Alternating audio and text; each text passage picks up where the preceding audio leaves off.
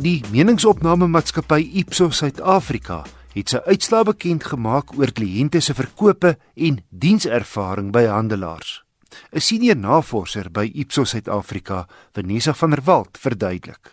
Ons het die um, eienaarskapservaring van 15 handelsmerke uh, se kliënte gemeet binne 35 dae van hulle aankoopsproses as ook hulle diensproses met die aankoopsproses fokus ons hoofsaaklik net op nuwe voertuie, maar net omdat daar 'n redelike verskilletjie is tussen nuwe eh, voertuie aankoop en uh, tweedehandse voertuie aankoop.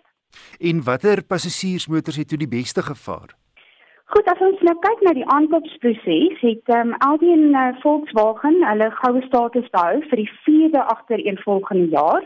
Maar interessant genoeg het uh, Nissan vir 2017 hulle dienslewering um, aan hulle kliënte opgeskerp en dit het eintlik daartoe gelei dat hulle goue status deel met Audi en Volkswagen. En dan met betrekking tot die diensproses het Audi weer eens hulle plek uh, behou en gehou 4 jaar in 'n ry en hulle deel hulle goue status met Lexus, Nissan, Toyota as ook Volkswagen. En as ons kyk na die ligte handels voertuigafdeling, wie daar die beste gevaar?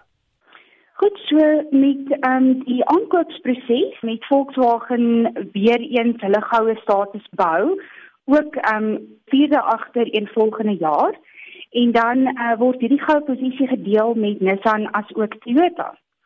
En dan as ons nou weer kyk na die diensproses, het Isuzu, Nissan en Toyota hulle goue status um, vir die vierde agter en volgende jaar behou en hulle deel hulle eerste plek met Volkswagen. Vanessa verduidelik miskien net vir ons hoe hierdie navorsing uitgevoer is. Goed, Wessel, ons het uh, meer as 20 000 telefoniese onderhoude gevoer met uit uh, die 15 handelmerke se kliënte. En ehm um, die respondente is ewekante geselekteer deur middel van 'n ingeboude algoritme om seker te maak dat elke respondent 'n gelyke kans kry om geselekteer te word. Dan uh, ten einde vir die respondente om te kwalifiseer, moes ons die volgende bevestig. Eerstens het ons met die uh, korrekte persoon gepraat met betrekking tot die naam en van wat ons ontvang het van die handelaar af. Hulle moes ook wel hulle bevestig dat hulle wel hulle voertuig op 'n bepaalde datum aangekoop en of gediens het by 'n handelaar. Hulle moes ook persoonlik betrokke gewees het by die aankoopsproses asook die diensproses van begin tot einde. So basies vandat hulle die voertuig gekoop het tot die afhaal van die voertuig. En dan laastens moet ons ook seker maak dat hulle nie 'n werk vir die handelaar of die vervaardiger nie. Wanneer so wat is kliënte se vernaamste klagtes nou in terme van die koop en dienservaring? Nou die aankoopsproses uh, wil dit blyk asof kommunikasie maar 'n groot ding is. En die kommunikasie is tweevoudig. Die die eerste um, aspek van kommunikasie is die kontak met die persoon gedurende die aankoopsproses. So met ander woorde, kliënte wil nie noodwendig die eerste stap neem om in verbinding te tree met die handelaar nie. Byvoorbeeld as daar miskien 'n vertraging is met hulle ehm um, die aflewering van hulle voertuig of as daar enige uitstaande papierwerk is, Die kliënt wil graag hê die handelaar moet die eerste stap neem en hulle kontak en in verbinding met hulle tree. En sodoende help dit ook om 'n goeie verhouding te skep met uh, hulle kliënte.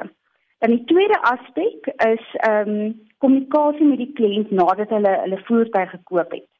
Die kliënt voel dat hy of sy het 'n klompie geld spandeer om daardie bepaalde handelsmerk aan te skaf en 'n uh, hoflikheidsoproep om vas te stel of die kliënt nog gelukkig is met hulle voertuig en hoe hulle die aankoopsproses ervaar het, skep die indruk dat die handelaar jou belange in ag neem en dit belangrik is vir hulle besigheid.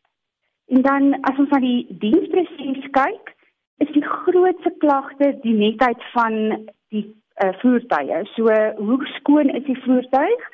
Ehm um, wanneer hulle dit afval na die diensproses. En ehm um, meeste kliënte voel dat hulle hulle verstaan dat daar 'n waterkrisis is, maar hulle voel dat die die binneruim van die voertuig kan ten minste skoon gemaak word. Ehm um, ek dink ehm um, meeste mense voel dat as hulle na hulle voertuig teruggekry het en nadat dit gedien is, wil hulle nie noodwendig om 'n klim vol olievlekke en die olie reuk wat hang in die kar nie. Vanessa van der Walt 'n senior navorser by Ipsos Suid-Afrika. Nie almal kan 'n dubbelkajuit van 'n half miljoen rand bekostig nie, en dis waar vervaardigers soos Mahindra in die prentjie kom. Hy het sy Scorpio bakkie so 'n bietjie vernuwe, nou net bekend as die pick-up.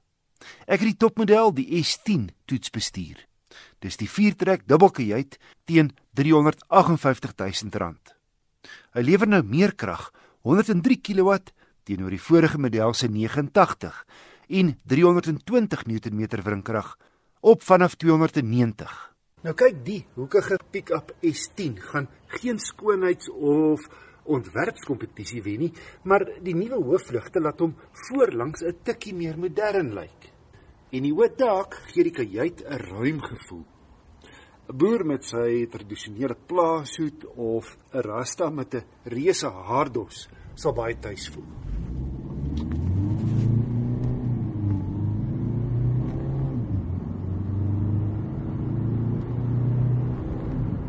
Opgegradeerde 2.2 diesel met 'n groter turbo aan jaar kom as 'n aangename verrassing.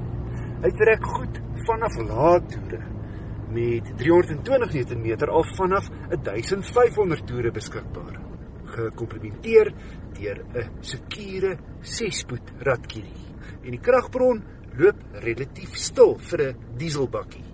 Die selfstop self-aanskakelfunksie werk egter met 'n geskit. As jy doodstop,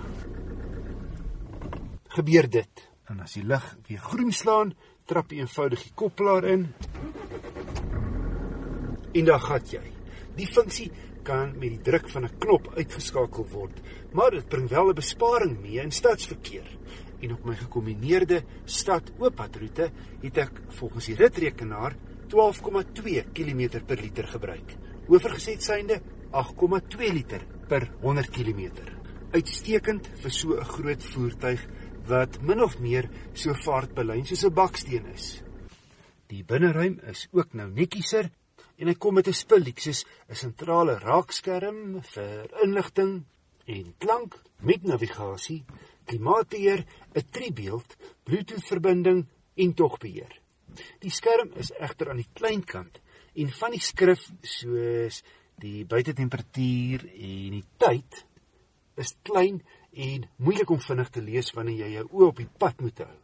'n Ander klein negatiewe is dat die stuur net op en af en nie in en uit verstelbaar is nie.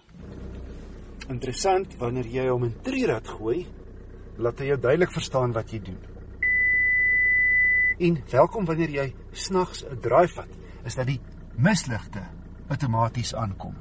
Die bestuurder se venster is van daai net een keer raak tipe vir die af en die opwen.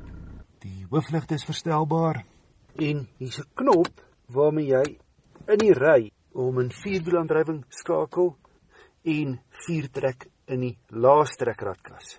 Grondvryhoogte is 'n goeie 210 mm en die ewenaarslot sluit outomaties wanneer die agterwiele greep verloor.